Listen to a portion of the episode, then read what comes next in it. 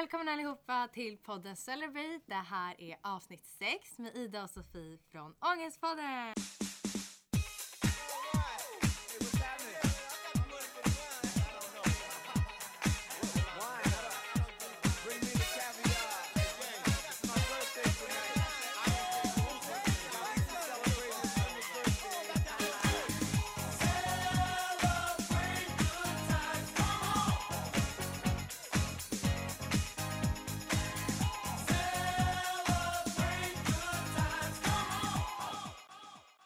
Jävla kul att ni är här. Det är jättekul att vara här. ja, alltså, och jag älskar namnet. Ja. Celebrate. Ja, alltså det känns så härligt. Vi är verkligen såhär, man bara nu kommer vi hit, vi ska fira, vi ska ha det härligt typ. Ja men gud, det är verkligen den känslan jag vill ha. Ja. Alltså alla är, alltså vi, det finns så många kvinnor och icke-binära, män för den delen också, Ja. eh, som är så grymma. Och det är så här, varför hyllar vi inte det? Varför hyllar vi oss själva inte? För vi kan vara så himla hårda mot oss själva. Mm. Så det här är så här, under veckan, om ni inte hyllar er själva varje dag, bara, det här är er tid.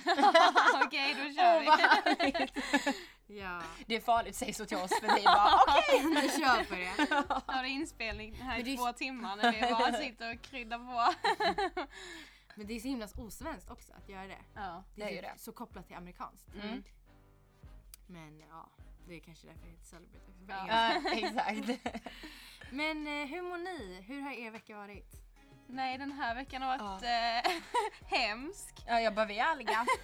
Vadå då? Nej, men vi har så här eh, bytt plattform där vi laddar upp vår podd. Okej. Eh, Kanske det mest ointressanta att lyssna på. Ja, men alltså det har varit tex- teknikstrul från helvetet om man får säga så. Nej men det, har varit, alltså, det var ett tag den här veckan när jag tänkte nu förlorar vi hela podden. Ja. Alltså. Nu, nu Seriöst? lägger vi ner. Ja. För sen jag blir också Dramatisk.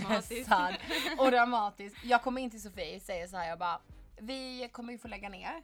Det är över för oss nu.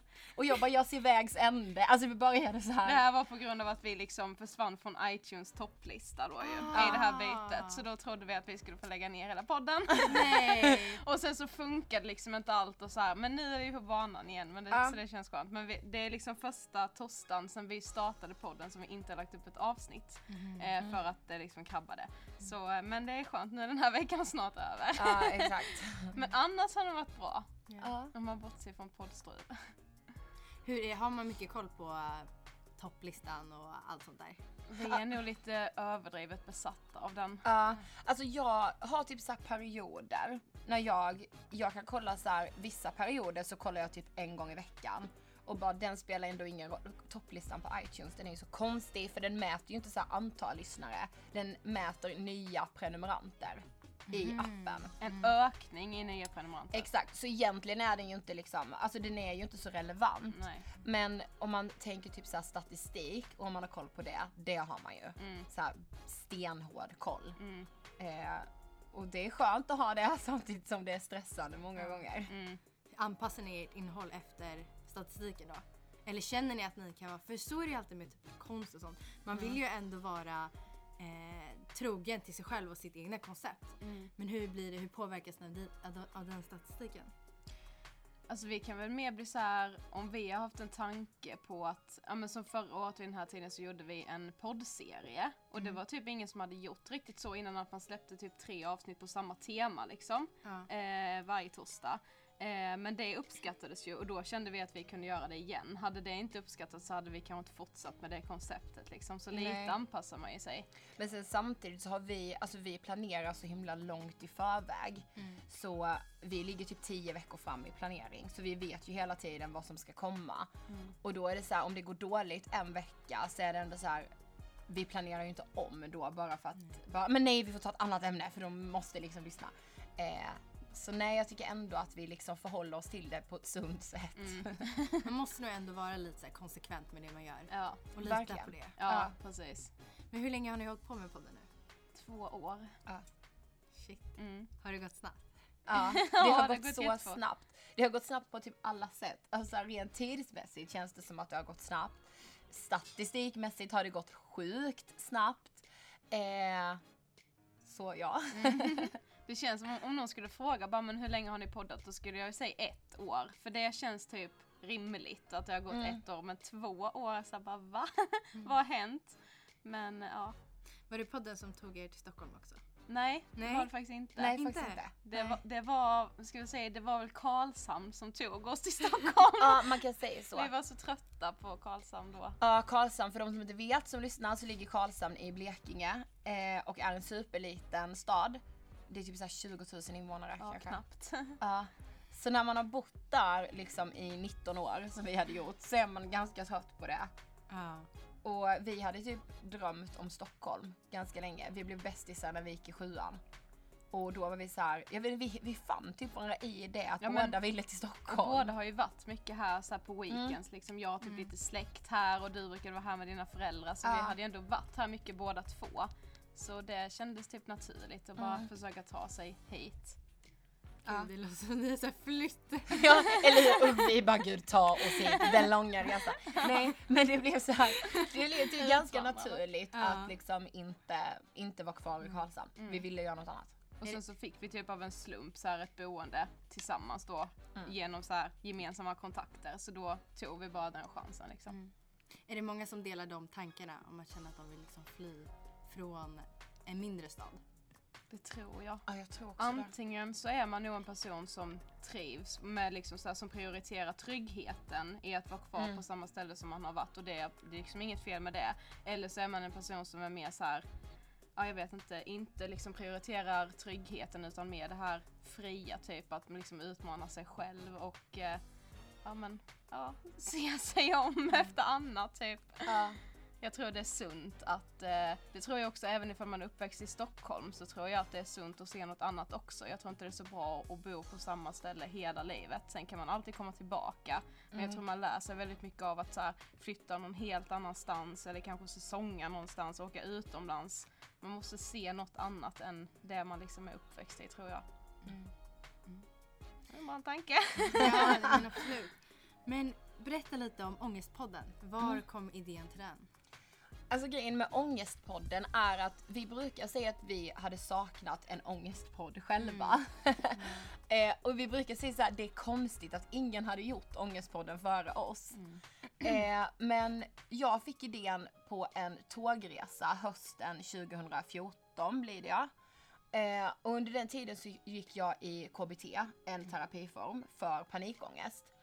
Eh, och jag hade väldigt mycket så här, så himla mycket tankar om att bara, jag är helt själv om att ha panikångest.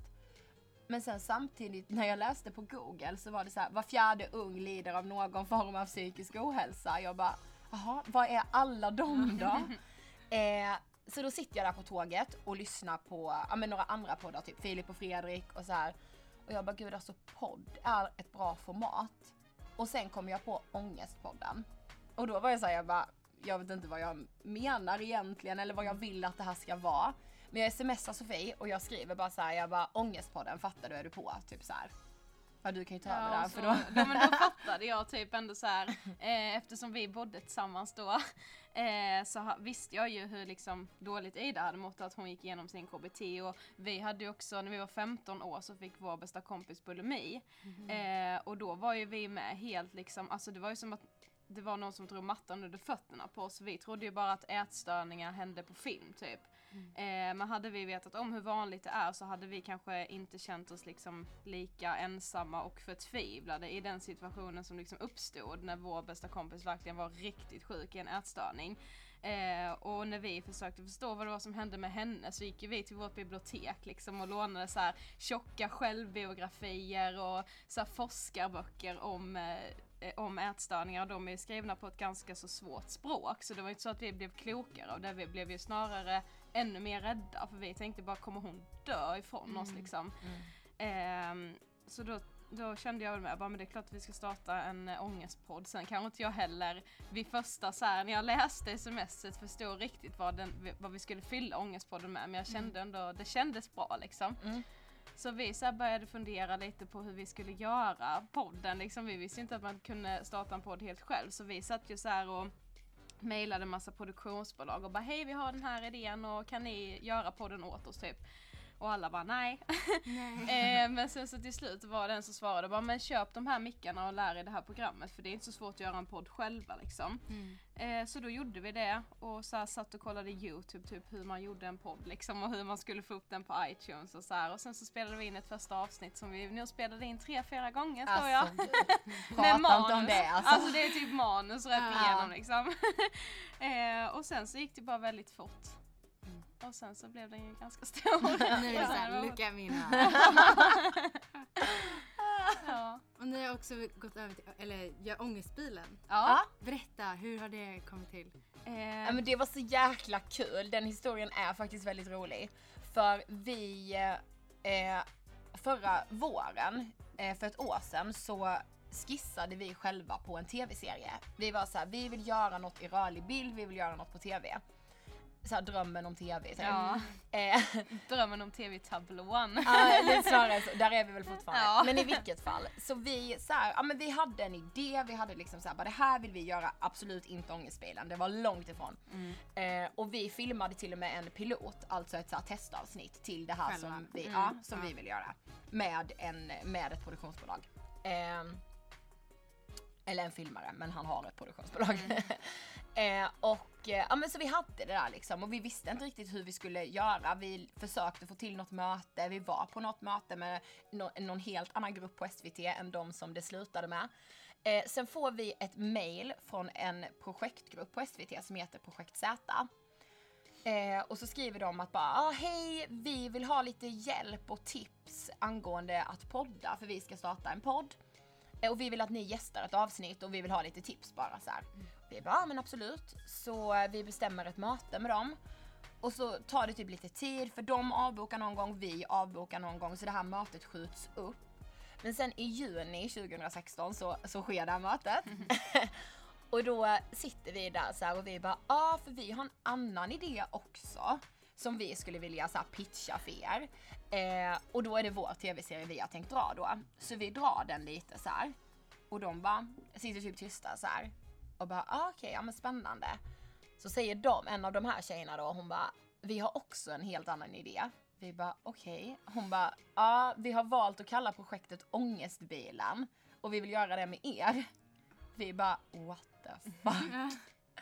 eh, så ja, så var det. Men vi försökte typ ändå så vara lite coola på det här Ja. mötet. De bara, gå hem och marinera det här lite, Ja. känn hur det känns om ni ens skulle vilja liksom. Vi bara, ja vi Ja, ska mm. fundera på Ja, precis. Så gick vi därifrån och bara, vad hände nyss? Alltså har du Ja. och jag en tv-serie om vi vill det liksom?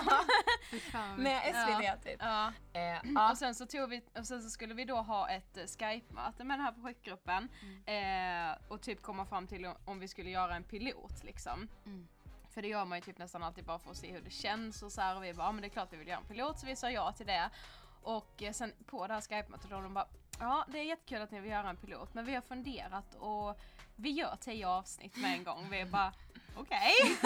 ja. Vi bara, vi kör. Ja, så i oktober spelade vi in eh, tio avsnitt Ångestbil Ja. och de finns ju nu på SVT Play. Ja. Ja, Är det, kommer det fortsätta? Blir det en säsong två? vi vet inte Vet men vi hoppas. Vi hoppas verkligen att det blir en säsong två. Och Ja. det känns som att många hoppas att det blir en Ja. säsong två. Mm. Eh, så vi får se. Vi har önskningar om en säsong två och lite längre avsnitt så vi hoppas. Mm. Mm. Får vi se. Men vi pratade lite jättekort om det tidigare att Mm.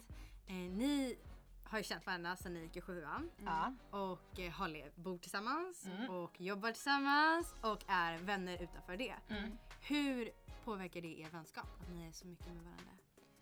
Alltså det sjuka är att vi är typ som, våra hjärnor funkar typ likadant och vi kompletterar varandra på alla plan.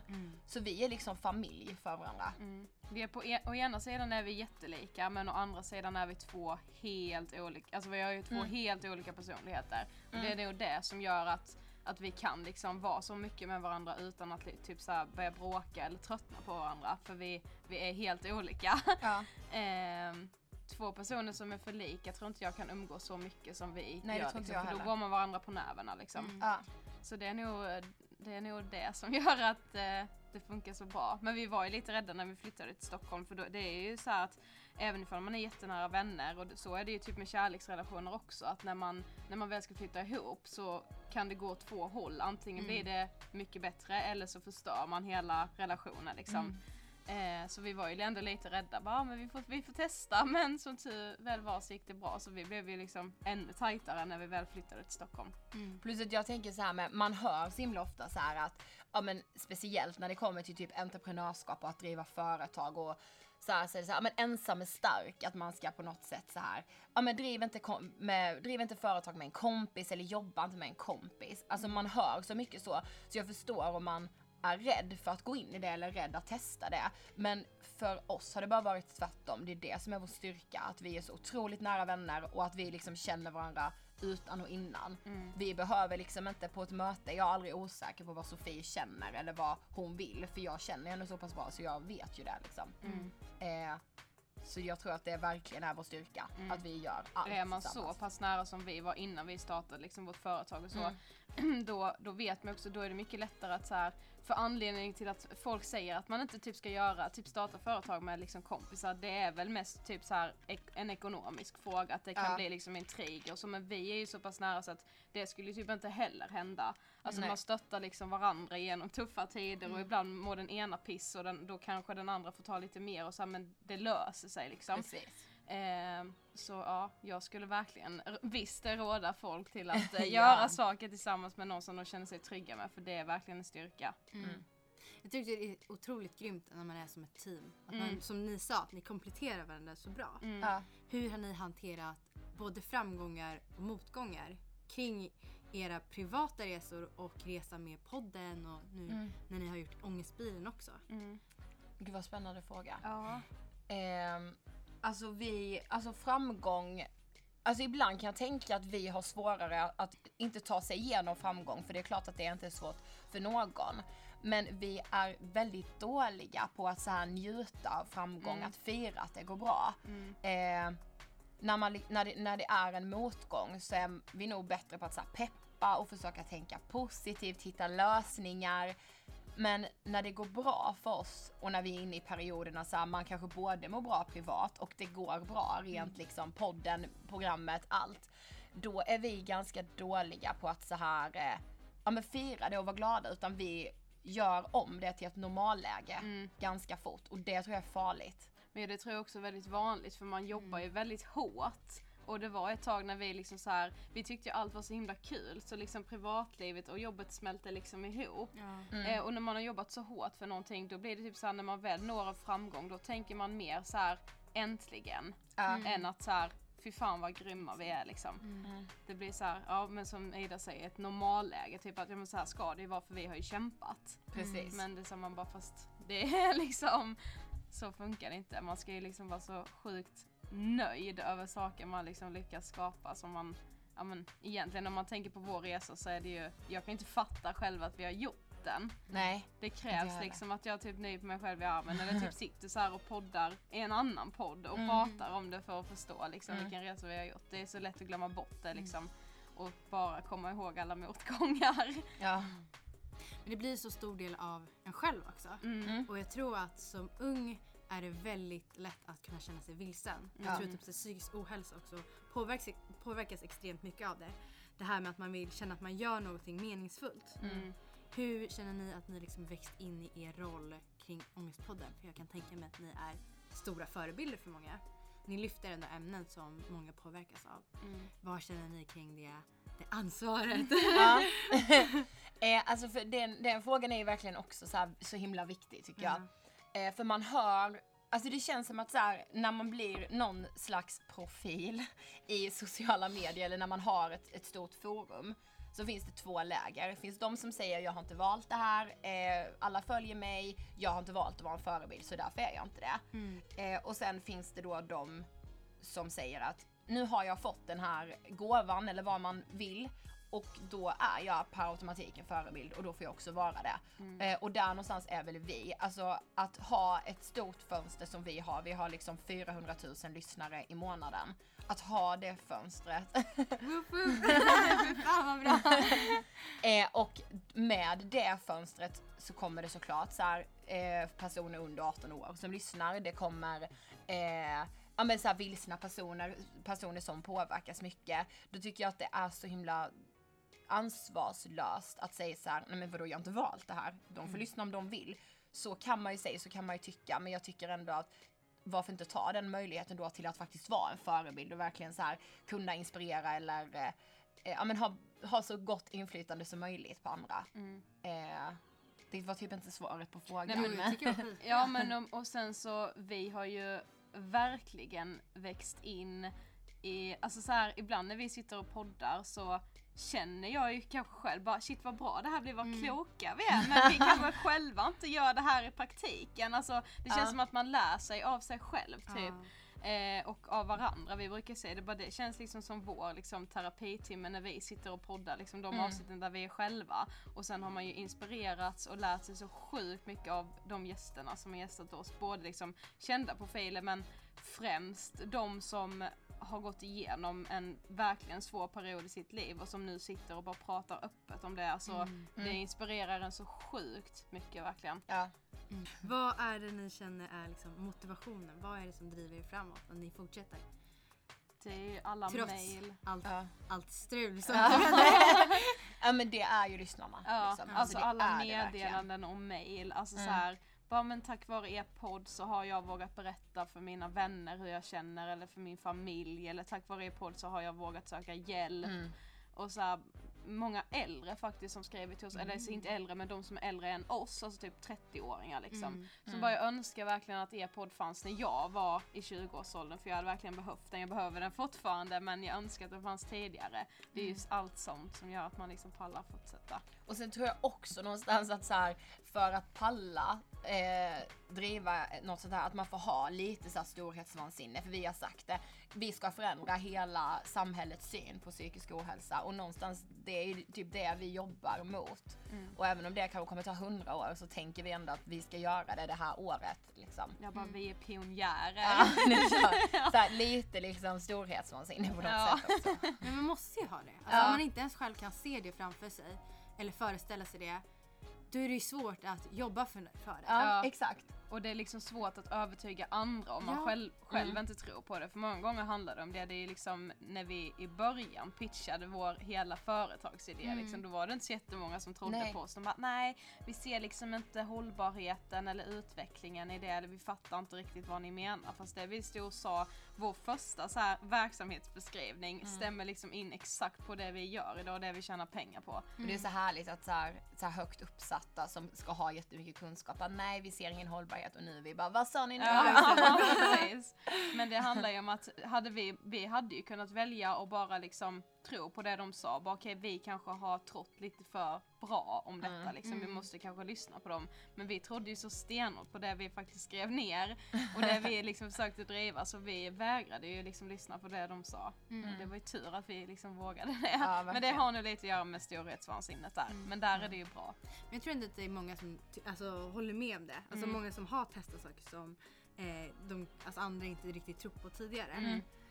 Mm. Eh, vad, vad känner ni kring eh, perfektion? Mm. Det är något som jag har gått och tänkt på väldigt mycket. Jag tror Mm. att många andra också gör det. Mm. Att det är det här när man hör alla andra kritisera så är Mm. man rädd för att det man själv har att erbjuda, men det är inte tillräckligt bra, det är Ja. inte perfekt. Mm. Och när ni ändå lägger ut saker eh, för hur många som helst att lyssna på Mm. och också får se er på bild också, med Ja. ångestbilen. Ja. Eh, hur mycket granskar ni er själva och vad känner ni att vad känner ni Mm. friden är så här, shit jag kan faktiskt vara hur jag vill. Ehm, det där är ju liksom svårt och där skulle jag nog med säga att det kan gå så här, svänga från dag till dag. Mm, verkligen. Vissa gånger så kan jag titta på ångestbilen exempelvis och tänka så här: shit, det här är det första programmet vi någonsin gör. Gud vad vi är bra. Mm. Andra dagar kan jag sitta och titta och bara, alltså Filip Fredrik hade gjort det här mycket bättre. Ja. Man bara, ja är det så konstigt? alltså så här, eh, eller bara men de är mycket bättre än oss och bara nej, eh, nej det här var inte bra. Alltså man är ju som människa beroende av bekräftelse. Mm. Och har man släppt ett avsnitt i Ångestpodden och känner att nej men det är inte så många som har mejlat den här veckan. Vi har Mm. bara fått 20 mejl, vi brukar få 30 exempelvis. Då, då är det lätt att gå till sig själv och säga, ja men det, det jag levererar inte den här veckan. Mm. Eh, Men sen tror jag också att för dig, vi är också öppna med i podden att vi, vi, det är klart att vi alla strävar väl efter en perfektion.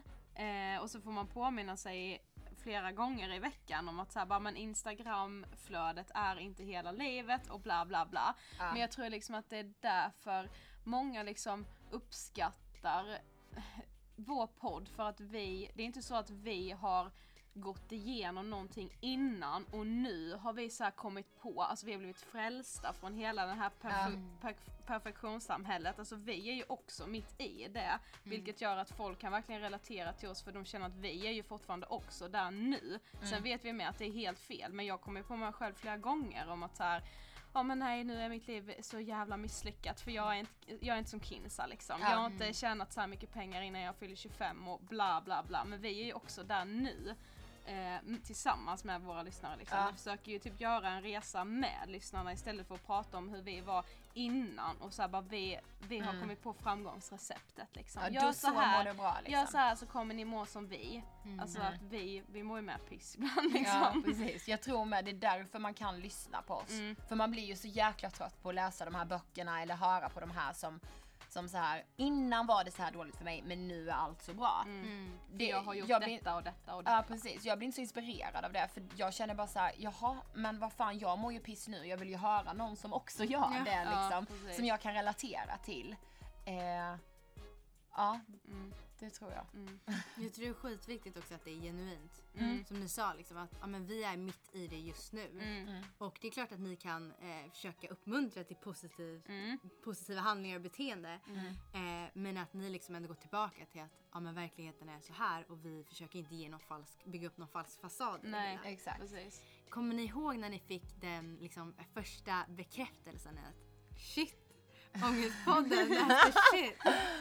Eh, alltså en så jättestor liksom bekräftelse var när vi, då hade vi bara poddat typ två, vi hade släppt två eller tre avsnitt. Mm. Då fick vi en stor artikel i Metro.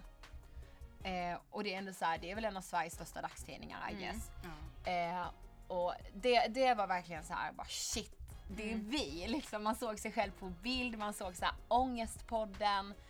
Ehm, Sen typ nästa stora så här milstolpe, det var väl när vi var med i eh, Vardagspuls. Det är, så här, TV4. det är inte alls ett jättestort program men det var så direktsänt i TV4, Agneta Sjödin satt och liksom eh, så här intervjuade oss live i TV. Eh, och då samtidigt som man satt där man bara Fan vad sjukt, det började med ett sms liksom. Ja. Nu sitter vi här. faktiskt. Men då kände vi med på, jo men vi, det har vi väl oss själva att tacka men vi startade liksom podden helt i rättan tid och även ämnet var så himla rätt för att vi Mm. var ju bland de första men liksom under hela typ 2016 nu främst så har det ju blivit det är fortfarande, alltså vi har bara gått en liten centimeter på, om, en hel meter om man tänker på tabun kring Mm. psykisk ohälsa men det har ändå blivit lite trendigt att, att vara öppen. Alltså kolla Mm. bara på youtube, nästan alla stora youtubers har liksom varit öppna med att Mm. de har mått skit liksom eller att de gör det nu. Så det har ju blivit en förändring liksom. Ja. Eh, så vi gjorde, ju, vi gjorde ju allt i rättan tid. Ja. Verkligen. Vad känner ni att ni har växt mest som personer? Oj. Oj, Ehm, shit vilken svår fråga. så himla svår Jag bara, drop it. Eh, jag tror, eh, på, alltså då måste jag nog säga, alltså så här som eh, alltså företagare, att eh, på något sätt så här, att vara kvinna, att driva företag i Sverige idag. Det är klart att vi har det extremt mycket bättre än många andra länder. Mm. Eh, men vi har det fortfarande så långt ifrån bra. Mm. Eh, jag tror att jag har verkligen växt när det kommer till att förstå eh, samhället, att se strukturer, att förstå hur ojämställt det faktiskt är. Eh, och jag är så glad att jag har fått se det på det här sättet. För det motiverar mig så otroligt mycket till att verkligen vilja vara med och förändra. Till att jag vill se kvinnor i stora bolagsstyrelser, jag vill se kvinnor som tar plats i näringslivet. Eh, för det får vi inte göra idag. Eh, och det, den så här lärdomen har gjort att jag har växt som människa på något sätt. Det var så invecklat kanske, men alltså Ja, jag men- hoppas ni fattar. Ja, och för mig är det nog, det är dels det och sen typ också det här med liksom, ja men just strävan efter liksom den här karriären och det känns som att det är viktigare nu att liksom göra en inre resa typ och påverka andra med det man driver än att man ska tjäna jävligt mycket pengar. Mm. Alltså jag har alltid varit driven av pengar. Jag ska liksom bli typ ekonomiskt oberoende. Gud ja. Men nu, nu vet jag mer att liksom vänskap, kärlek och liksom Mm. trygghet betyder så sjukt mycket mer än pengar. Det är inte allt liksom. Nej, det Eh, känner jag också. Ja, att så Och, här, och att så här, det är viktigare att faktiskt göra någonting där man känner in i hjärtat. Att så här, det här är något jag brinner för, det Mm. här är någonting där jag får utlopp för den jag är. Och då är det så här, ja då kanske det inte gör någonting om man inte tjänar en miljon i månaden. nej, Liksom. precis. Nej. Det är inte allt. Nej. Nej. I Ångestbilen, jag kollade på det ert första avsnitt med William Spets. Ja. Mm. Då frågade ni honom hur, hur han var när han var 15. Mm. Mm. Eh, Jag vill lite ställa ungefär samma fråga till er. Ja. Hur var ni och när ni kollar tillbaks, vad skulle ni vilja hälsa de 15-åriga er? Eller Grejen var att- 15-åriga jaget? Ja grejen var att när vi så här började liksom, för vi fick ju fundera tillbaka lite på vilka Mm. vi själva var innan vi gjorde programmet så Mm. eftersom det var ändå liksom det 15-åriga jaget vi skulle försöka fokusera på i Ångestbilen. Eh, men vi kom ju fram till att vi var ju jävligt coola när vi var Nej! Ja, ja men det är det, det är det som är så Ja. jäkla sjukt. Eh, jag skulle verkligen så här, jag skulle vilja vara lite mer som 15-åriga Ida nu. För hon var så jäkla cool. Alltså jag brydde mig så extremt lite om vad alla andra tyckte om mig. Eh, alltså jag, det var så här, eh, vad säger man? Eh, high, the high, vad säger man? Ni vet så här, alltså det var mitt race eller inget Mm. alls. Alltså jag var väldigt så här, ehm, så jag skulle, om jag skulle kunna prata med 15-åriga mig själv skulle jag bara kör. Fortsätt exakt Mm. så. Mm. Eh, Sen är det ju lätt, det brukar vi ju prata om, så här, det är så lätt att romantisera allt som Ja. har varit för man kommer bara ihåg det positiva. Men jag Mm. vill ju verkligen med minnas att jag var så här. Ja men ganska liksom självständig, brydde mig inte så jättemycket om vad andra tyckte och tänkte liksom och Ja men hela vägen, så var det liksom typ hela högstadiet och genom hela gymnasiet med att jag sket liksom i vad alla andra tyckte och tänkte och jag blev li- nästan så här vissa kanske sänks av att så här att andra påpekar hur man är och så men jag blev mer provocerad av det och skulle liksom det, det kryddade bara på mitt ego. Alltså att jag Verkligen. kände att det är folk som liksom inte tycker om vem jag är och det jag gör men då ska jag bli ännu mer sån för jag gillade liksom typ att provocera. ja. Eh, så ja, jag tyckte bara jag var skitcool. Nu bryr jag mig mycket mer om vad eh, andra tycker och tänker om mig. Mm. Och det känns som att ju mer man lär sig om livet desto mer ångest får jag typ. För att jag inser att det är, alltså man, när man är 15 så lever man ju i en liten bubbla bara. Mm. Och det som händer på skolan är liksom världen. Man har inte så mycket liksom eh, Ja men ja, inte liksom, man har inte analyserat eh, världen riktigt. Nej och det är såhär alltså, det, alltså då var ju liksom det värsta som kunde hända var ju att killen gjorde slut och att det var liksom så här, eller så här att man inte fick han man var kär i. Ja. Alltså man kunde ju 24 timmar om dygnet, jag kunde ju vara Nora och tänka på William. Ja. alltså, jag drar en sån skamreferens, jag antar att alla som känner till skam.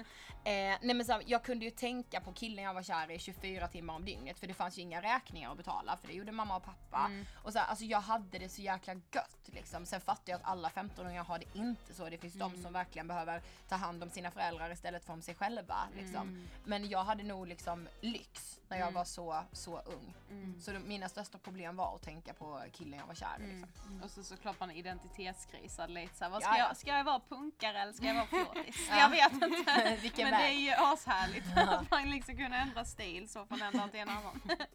Men jag älskar att ni hade så här drivet och bara fan jag ska verkligen köra mitt race. Ja. Det har nog så gynnat ert, typ ert företag och det ni gör nu skitmycket. ja, Ja. det tror jag med. Och jag tror att vi har blivit lite påverkade. Det var någon gäst, jag tror det var Viktor Frisk som vi pratade om det om när han gästade vår podd. Att han kom med från ett lite mindre stad och också lite fått höra den här att ja men du tror att du är bättre än alla andra och bla bla Mm. bla. Och bara ja men lycka till typ med ditt Mm. liv. Och att man, man drivs lite av så här jag ska fan visa dem. Typ. Faktiskt. Mm. Det har nog drivit en mer än vad man eh, kanske trodde. Och jag Mm. blev inte så påverkad av hur, vad folk sa och tänkte om mig på gymnasiet då. Men jag blev påverkad av det i efterhand, tror jag. Mm. Hur känner ni att ert välmående är idag? Oj.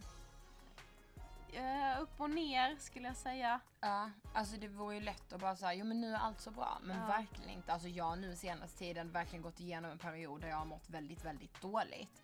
Eh, och det ska man också komma ihåg om man kopplar det till så här karriär och så. Alla tror, och jag också när jag var yngre, att bara, men om jag blir framgångsrik försvinner alla problem. Mm. Men det är verkligen inte Lite så. typ av fler problem. Ja, eller hur? Snarare.